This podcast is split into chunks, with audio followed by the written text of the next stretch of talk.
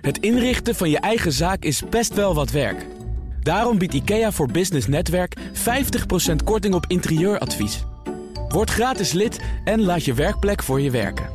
IKEA, een wereld aan ideeën. Wie zijn dan die gewone Nederlanders? Nou Rita, dat zijn jij en ik. Dat is iedereen die iets van zijn leven wil maken. Dat zijn voor mij de normale gewone Nederlanders. De middenklasse, al die mensen in dit land die vroeg opstaan, hard werken. Zeker als er verkiezingen aankomen, hebben politici de mond vol van de middenklasse. Die heeft het zwaar. Henk en Ingrid voelen zich niet gehoord. Jan Modaal heeft moeite de eindjes aan elkaar te knopen en de schouders van de hardwerkende Nederlanders zijn overbelast. Dat is een boodschap die bij veel mensen resoneert. Want 90% van de mensen zegt zich middenklasse te voelen. Dat strookt niet helemaal met de realiteit. Dus wie en wat is die middenklasse eigenlijk? Wat is haar belang in de maatschappij en op welke manier staat ze onder druk? En al die politieke aandacht, levert dat nog wat op? Daarover ga ik, Anna Dijkman, in deze aflevering van Toegevoegde Waarde in gesprek met economen Bas Terweel en Wiemer Bolhuis. Ik begin met Bas Terweel, die directeur is van onderzoeksinstituut SEO en ook zelf onderzoek heeft gedaan naar de middenklasse. Hij zet op een rijtje welke definities er gebruikt worden om de middenklasse af te bakenen. Het eerste is de lijn van opleiden. Dus dan kijken we naar mensen met een MBO-opleiding. En dat zijn er ongeveer een derde van de totale werkzame bevolking in Nederland. Tweede definitie gaat over middenberoepen. Dat zijn mensen die in de dienstensector werken, zoals boekhouders. En mensen in de technische sector, eh, bijvoorbeeld de installatiebranche, waar het gaat om mensen die zonnepanelen leggen. En dat is ook ongeveer een derde van de beroepsbevolking. De laatste afbakening is langs de lijn van het inkomen. En dan gaat het om mensen die tussen de 30 en 70.000 euro verdienen. En die groep is wat groter. Dat komt voor een deel ook door de gezinssamenstelling. Die, uh, nou, die kan een eenpersoonshuishouden zijn. En dan uh, behoor je tot de middenklasse als je 40.000 euro verdient.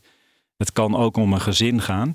En als het gezin anderhalf verdieners uh, heeft, dan gaat het om ongeveer 60.000 euro.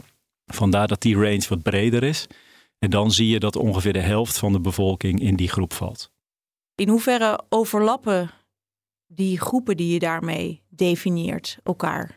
Nou, voor een groot deel overlappen die groepen elkaar. Dus MBO-opgeleiden hebben vaak een MBO-beroep. Qua inkomen wordt het wat moeilijker, omdat er onder jongeren sprake is van opwaartse mobiliteit. Dus verdien je nu 30.000 euro, dan kan je ook best een hoge opleiding hebben.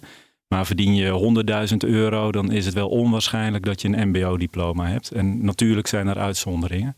Dus de lijn langs opleiding en beroep is de meest robuuste. En hoe kan je dan de rest van de bevolking verdelen? Is dat dan ook ongeveer een derde lagere klasse, een derde hogere klasse, om dat zo te zeggen?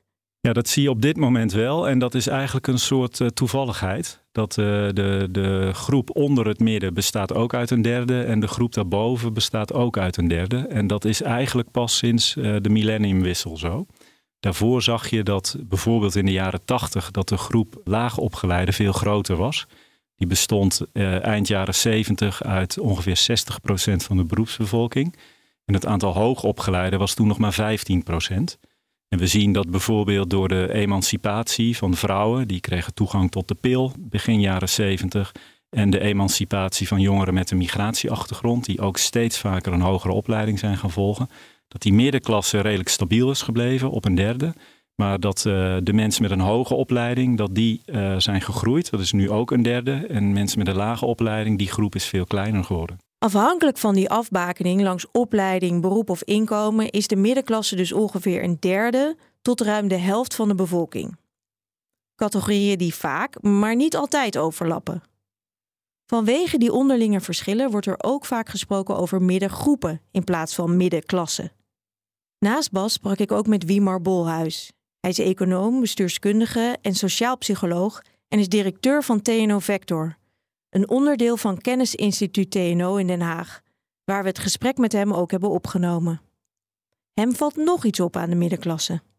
Kijk je naar onderzoek naar de beleving en dan is, voelt 90%, volgens mij is dat nu bekend onderzoek uit Amerika, 90% van de mensen voelt zich middenklasse. Ja, er zit natuurlijk duidelijk een uh, verschil tussen. Ja. En dat is natuurlijk heel, heel interessant. Maar is dat dan, uh, zijn dat dan mensen van de, ja, de hogere klasse of de bovenklasse die zich dan nog middenklasse voelen? Of juist van de klasse daaronder? Allebei. Dus je dan dus nadenken over dat er ook vaak wordt gesproken over de lage en de hoge middenklasse. Hè? Dat vind ik altijd een interessante terminologie. Want die bestaat natuurlijk niet vanuit uh, inkomen of, of opleiding geredeneerd. Dus gewoon, dit is de middenklasse met duidelijke grenzen. Wel afhankelijk van welke definitie je neemt die subjectiviteit krijg je inderdaad een soort hoge middenklasse en een soort lage middenklasse.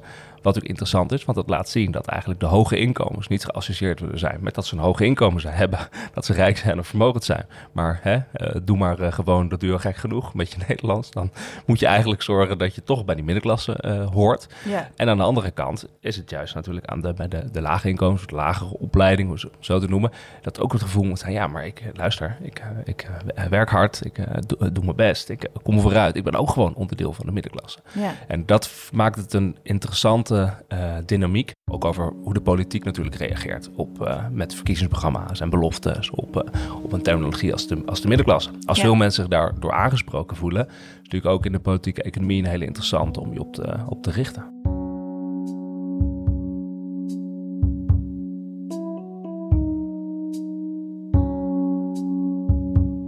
In 1968 vroeg de politiek dan ook voor het eerst aan het Centraal Planbureau hoe bepaalde maatregelen zouden uitwerken voor verschillende inkomensgroepen. En zo kwam het planbureau met berekeningen over onder andere de loontrekkende met een inkomen juist beneden de laagste premiegrens met twee kinderen. Het werd destijds niet met zoveel woorden gezegd, maar dat ging over het modale inkomen, het meest voorkomende inkomen. Dat was eind jaren 60 5000 gulden en in 2024 is dat zo'n 42.000 euro. En hoewel het CPB zijn eigen voorbeeld geen naam had gegeven, werd dit in de volksmond al snel Jan Modaal. Een man die nooit ouder wordt, keurig getrouwd blijft met zijn niet werkende vrouw en eeuwig jonge kinderen heeft.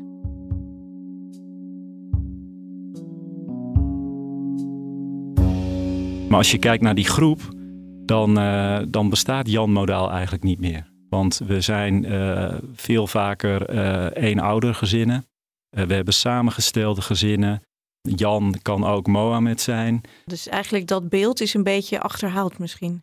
Nou, wel van Jan. Ja. maar Jan komt in allerlei andere gedaantes terug op dit moment. En is het ook mogelijk om een soort beeld van die middenklasse te schetsen?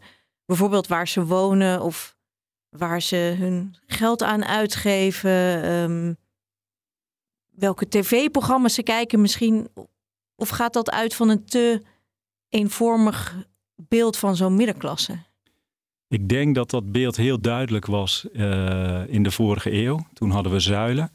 En had iedere zuil wel zijn eigen Jan Modaal. Die, de een keek naar de NCRV en ging op zondag naar de kerk. En de ander die uh, keek naar de VARA en was wat links progressief.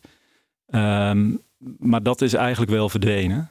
Uh, we hebben ook veel meer tv-zenders en uh, met het internet zijn mensen op allerlei manieren hun, hun, informatie gaan verzamelen. Dus ik denk dat het heel moeilijk is om daar nu een eenduidig beeld van te geven. Die middengroep is dus heel groot en heel divers. En heel belangrijk in onze samenleving.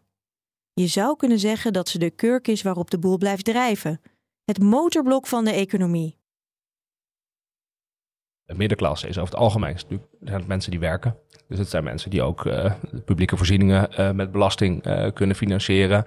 Um, zijn mensen, is het een groep waar je ook op basis van herverdeling discussies kan voeren. Van oké, dit is een belastingbetalende groep. Aan wie kunnen we, aan welke zwakkere groepen om het zo te zeggen in samenleving, kunnen we dat dan, dat geld dan herverdelen of bepaalde voorzieningen van, van betalen. En het geeft een bepaalde robuustheid in je politieke systeem als de middenklasse zich zeker voelt. En dat is ook geen reden dan om van allerlei politieke partijen te gaan wisselen. Dus economisch gezien, als zeg maar een soort economische motor van consumptie, als een uh, economisch blok waar je ook uh, belastingen en voorzieningen mee kan betalen. En stabiliteit in het politieke systeem is de middenklasse gewoon heel belangrijk om, om te hebben en te houden. In de Nederlandse samenleving is de middenklasse eigenlijk de klasse die zorgt voor de verdeling, de herverdeling van het inkomen in het land. Dus traditioneel is die klasse vrij sterk en stevig aanwezig in alle segmenten van de samenleving. En dat maakt het mogelijk om als rijken te zeggen: wij verdelen ons inkomen via het midden richting de mensen die het wat minder hebben. En als dat een stevig segment in de samenleving is, is er ook veel draagvlak om, uh, om inkomen te herverdelen. En, en hoe bedoel je dat precies? Want veel uh, gezinnen of personen in de middenklasse zullen ook bijvoorbeeld toeslagen krijgen. Dus die krijgen dan ook weer wat van die herverdeling. Wat, wat bedoel je precies met hun rol in die herverdeling? Nou, het gaat bij die herverdeling om draagvlak. Dus je wilt eigenlijk als maatschappij dat de verschillen in inkomen, wat je uiteindelijk te besteden hebt, dat die niet al te groot zijn. En op het moment dat dat uit elkaar loopt en de middenklasse wordt kleiner, dan gaan de mensen uit de, de, de hogere klasse, die communiceren niet meer met de mensen uit de lagere klasse, want die komen elkaar niet meer tegen. En via het midden, dus de leerkracht bijvoorbeeld op school, als die tot de middenklasse behoort, dan ontmoet je elkaar nog.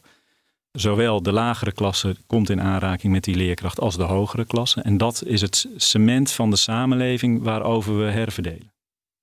Oké, en dat is dus ook belangrijk dat dat uh, er is en dat die groep niet te klein wordt dan. Als die groep te klein wordt, dan zul je zien dat uh, de hoogopgeleide en de mensen met een hoog inkomen met elkaar communiceren, bij elkaar wonen, met elkaar gezinnen stichten en kinderen krijgen.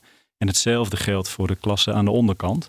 En dan krijg je een tweedeling in de samenleving. En dat zie je bijvoorbeeld in de Verenigde Staten.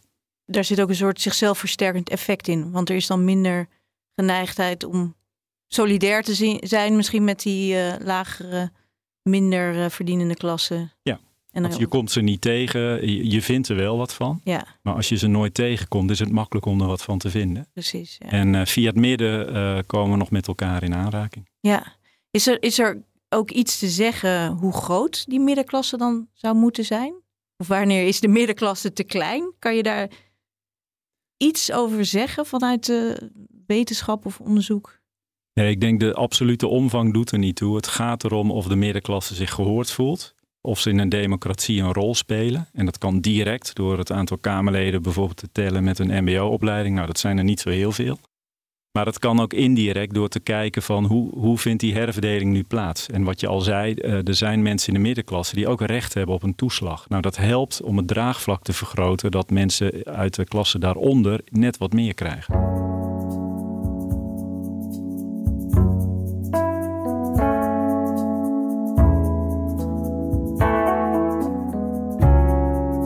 De vraag is nu in hoeverre die middenklasse onder druk staat.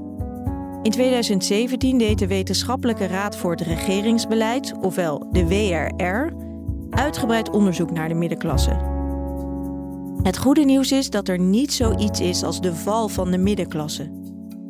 Maar het kost de middenklasse wel meer moeite dan vroeger om haar positie te handhaven.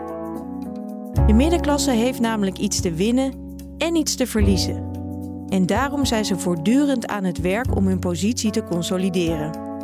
Statusarbeid noemen ze dat. En die arbeid drukt zwaarder. Want het kwetsbare deel van de middenklasse heeft wel degelijk te maken met sociale daling. En daarnaast is het ook moeilijker geworden om vooruit te komen. Ook is er het gevoel dat de overheid te weinig doet voor het midden. En dat zorgt voor onzekerheid. Bas legt uit waar dat hem in zit de druk ontstaat als je kijkt naar het inkomen. Dus uh, rond het jaar 2000 werd ongeveer uh, eh, 60% van ons nationale inkomen verdiend door de middenklasse. En dat is nu nog maar de helft. Terwijl de omvang van die groep is gelijk gebleven. En dat uh, inkomen wat nu, dat wordt nu verdiend door mensen met een hogere opleiding. Dus je ziet daar een verdeling van, van het inkomen die, die echt wel anders is dan, dan in het verleden. En het andere is dat de status van de beroepen waarin zij werkzaam zijn, dat die aan het dalen is. En ik vind altijd een mooi voorbeeld dat eh, in mijn jeugd, uh, op, op Koninginnedag was het toen nog, zo oud ben ik inmiddels. Uh, dat je, dan ging je als schoolklas naar het, naar het dorpsplein en er werden spelletjes gedaan. En vooraf stond de burgemeester op een podium en naast de burgemeester stond het hoofd van de lagere school, zoals dat toen heette. En dat was iemand in het dorp. En als je nu kijkt, staat daar de bankdirecteur. En als je schoolleider bent, ja, dan heb je een prima beroep. Maar de, de status van dat beroep is enorm gedaald. En dat zie je ook als je kijkt naar uh, mensen die werkzaam zijn bij de politie, bij de brandweer, in de zorg. De status van die beroepen is naar beneden gegaan. En de status van uh, beroepen aan de bovenkant is eerder omhoog gegaan. Daar zie je in Nederland natuurlijk veel discussie over, en ook internationaal over de zogenoemde diploma-inflatie. Dus wat is de waarde van je, van je diploma? Um, en daar zie je, en dat is een, een internationale trend, wel interessant, dat je er eigenlijk een soort van, dus dat dan uh, baanpolarisatie krijgt, maar de hoge opleidingen en de hoge inkomsten, die zo'n speurt naar boven. Van mensen die daar goed getroffen hebben, en die gaan dan inderdaad qua zowel inkomen als baanzekerheid gaan er eigenlijk op vooruit. Je dat groep steeds groter wordt. Ook door de, ja, de invloed van technologie en internationale concurrentie. Hè. En aan de andere kant zie je aan de onderkant van het gebouw, zie je ook dat dat steeds groter wordt. Uh, Namelijk, de waarde van je diploma wordt eigenlijk minder omdat er meer concurrentie is. Um, en daardoor wordt die uh, lagere, zo te noemen lagere klasse, wordt groter en groter. En de middenklasse wordt eigenlijk steeds iets kleiner. Een soort U-vorm krijg je ja, dan. Uh, precies, een ja. soort, soort U-vorm. En die polarisatie, het uit elkaar trekken naar twee van die, van die richtingen, dat is eigenlijk een internationale trend die je ziet. Aan de ene kant dus mensen die goed kunnen omgaan met nieuwe technologie, met de internationale concurrentie. Uh, nou, die gaan de goede kant op. En tegelijkertijd zie je uh, aan de onderkant dat de waarde van diploma minder wordt. Dat er minder vakwerk in die zin is. Meer arbeidsconcurrentie, ook door migratie, verplaatsing van, van werk natuurlijk internationaal. Ja, dan zie je dat daar dat die groepjes ook groter wordt. Ja. En dan zie je dat die middenklasse natuurlijk in die zin wel onder druk komt te staan. Met de vraag, ja, oké. Okay, Ga je naar de bovenkant of ga je naar de onderkant, zeg maar. Ja. Dat levert een bepaalde onzekerheid op. Dus je ziet dat in die uh, hogere uh, inkomens, dat daar ook zekere banen, zekere contracten zijn. En aan de onderkant dat dat minder wordt. Dat, dat, dat er meer flexibiliteit is, meer uh, onzekerheid. Dus je ziet daar ook ja, dat dat wat doet met natuurlijk het gevoel van de middenklasse en, en de zekerheid om middenklasse te blijven. En in hoeverre kan je eigenlijk vertrouwen op je inkomen en op je baan en op de waarde van je diploma. Dat is natuurlijk wel een beweging, uh, beweging Ja. die je ziet internationaal. En volgens mij zie je ook um, natuurlijk heel veel discussies internationaal over wat, wat, wat moeten we doen voor de middenklasse. En ook wat moeten we doen voor de middenklasse in relatie tot allerlei grote transities, maatschappelijke vraagstukken. Hè? Er is natuurlijk nu een heel groot debat over uh, de klimaattransitie of de energietransitie en hoe dat een rechtvaardige transitie kan zijn. Dat iedereen uh, daar uh, de opbrengst en de kosten, dat je dat op een goede manier en de risico's op een goede manier verdeelt. Dat iedereen het mee kan maken. Dus je ziet daar ook natuurlijk dat er een heel groot debat is van hoe gaan we dat dan, Ja. hoe gaan we dat dan doen met elkaar. Want het is, lijkt me ook, als je die middenklasse mee hebt, dan, dan ben je een heel eind, Ja, toch? politiek gezien is de, is de middenklasse gewoon essentieel. Ja. Dus als jij de, als politieke partij, als je groot wil worden, moet je een verhaal hebben wat ook aansprekend is voor de middenklasse. Ja. Als je dat niet meer hebt, dan uh, ga je politiek gezien gewoon onderuit. Dat zie je de, denk ik in Nederland ook. Hè. In Nederland zie je ook natuurlijk veel eh, discussies over uh, van hoe vertellen we een verhaal waar de middenklasse zich bij uh, aangesloten voelt. Ik vind zelf het mooiste voorbeeld de VVD met de hardwerkende Nederlander staat voorop. Dat is natuurlijk gewoon één grote oproep. De middenklasse, stem op ons. Ja, in verkiezingstijd kan de middenklasse op alle aandacht rekenen. Maar levert dat nou ook iets op? Wiemar heeft voor zijn promotieonderzoek van woord tot akkoord alle doorrekeningen van de verkiezingsprogramma's vanaf 1987 op een rijtje gezet. En dat vergeleken met wat er uiteindelijk in de regeerakkoorden is afgesproken. Van tevoren zeggen politieke partijen vaak dat ze flinke lastenverlichting willen voor de middeninkomens. Maar in de praktijk blijkt er nogal een gat te zitten tussen die beloftes en wat er werkelijk wordt gedaan. Wie maar heeft uitgerekend hoe groot dat gat is. Als je al die jaren bij elkaar telt, dat het omgaat uh, op ongeveer een half procent, iets met een half procent van het, uh, van het uh, BBP. Dus het zou nu ja, ongeveer 5 miljard euro zijn. dat het jaar op jaar bij de verkiezingen dat niet gerealiseerd wordt. En dat gat zie je ook op de lastendruk voor huishoudens. Die wordt sinds 2002 gemeten. Dus zie je ook zo'n gat ongeveer. Dat is nog groter. Dus de lastendruk van voor huishoudens neemt echt minder af. Daalt minder dan dat je zou verwachten op basis van die verkiezingsprogramma's. Ja. Vind ik heel interessant, want het laat dus inderdaad zien dat politieke partijen aan de ene kant, denk ik, inspelen op het idee dat kiezers willen horen dat ze een lastenverlichting krijgen. Uh, en ook de middenklasse. Uh, want ja, daar wil je. Uh, daar, daar, zitten veel kiezers. Bij bedrijven bijvoorbeeld is het precies andersom. Dus dan zie je dat, dat voor bedrijven eigenlijk altijd wordt beloofd in de verkiezingsprogramma's een lastenverzwaring ten opzichte van het basispad.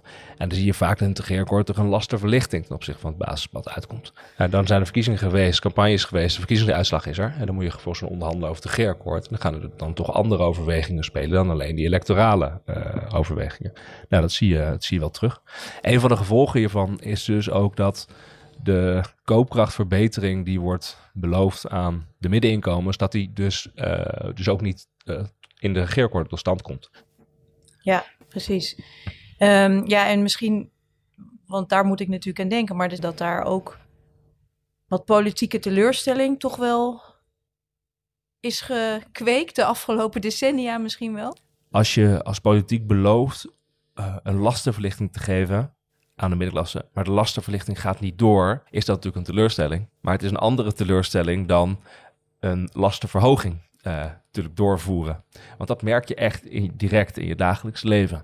Het niet doen van een lastenverlichting of een minder intense lastenverlichting dan je had beloofd, dat merken, merkt de middenklasse niet direct in het dagelijks leven.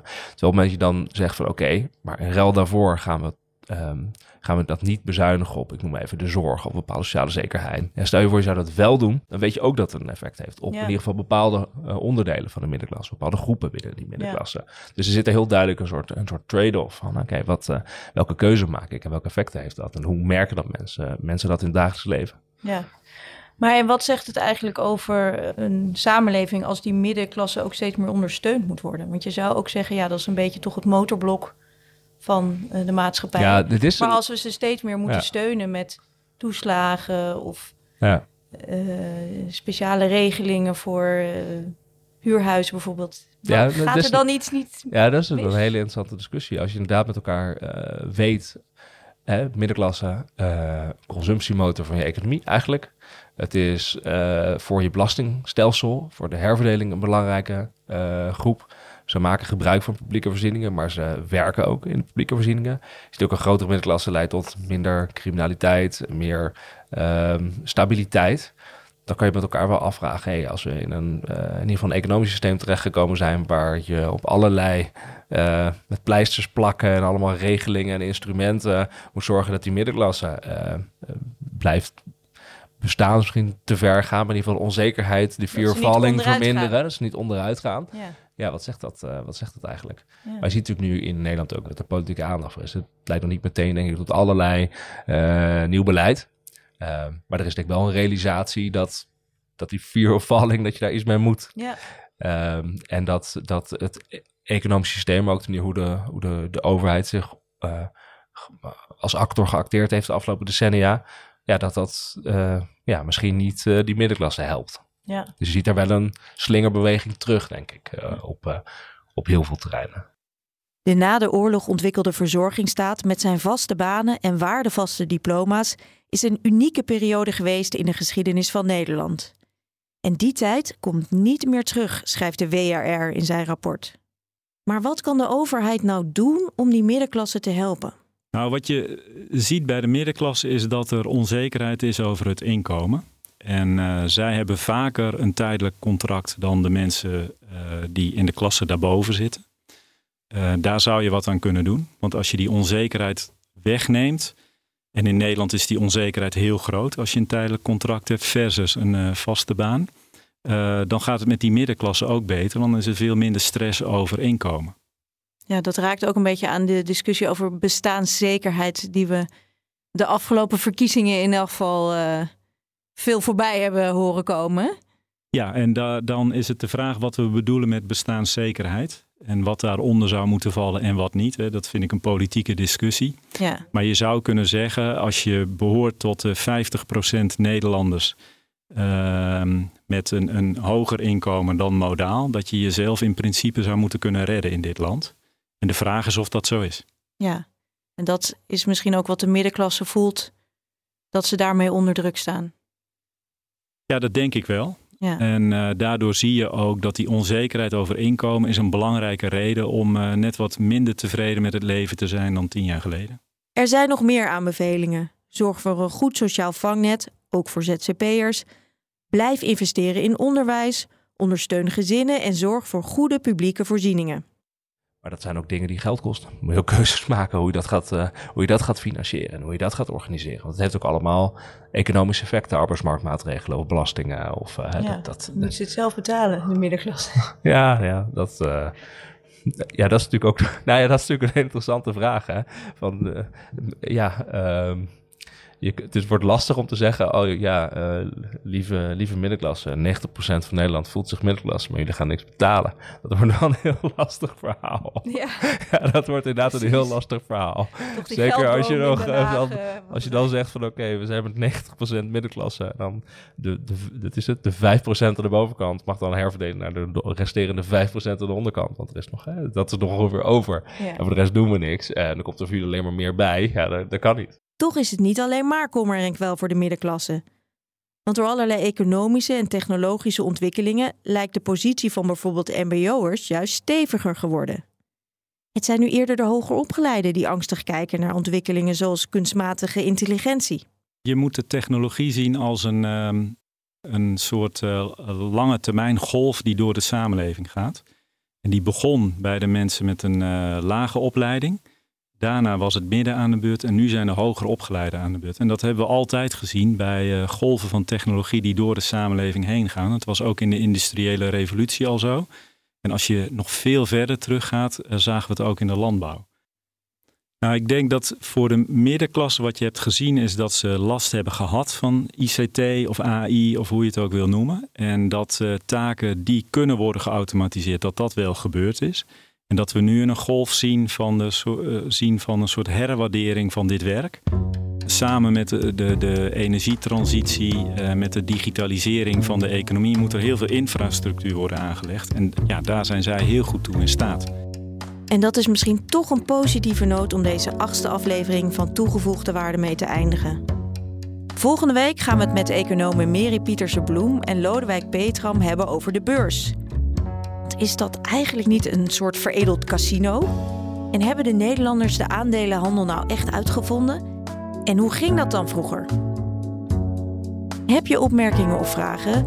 Mail ons dan op podcast.fd.nl of stuur me een DM op x Anna. Redactie en montage van deze podcast was in handen van Jildau Bijboer en van mij. De muziek komt van Gijs Vriezen. Dank voor het luisteren en tot de volgende keer.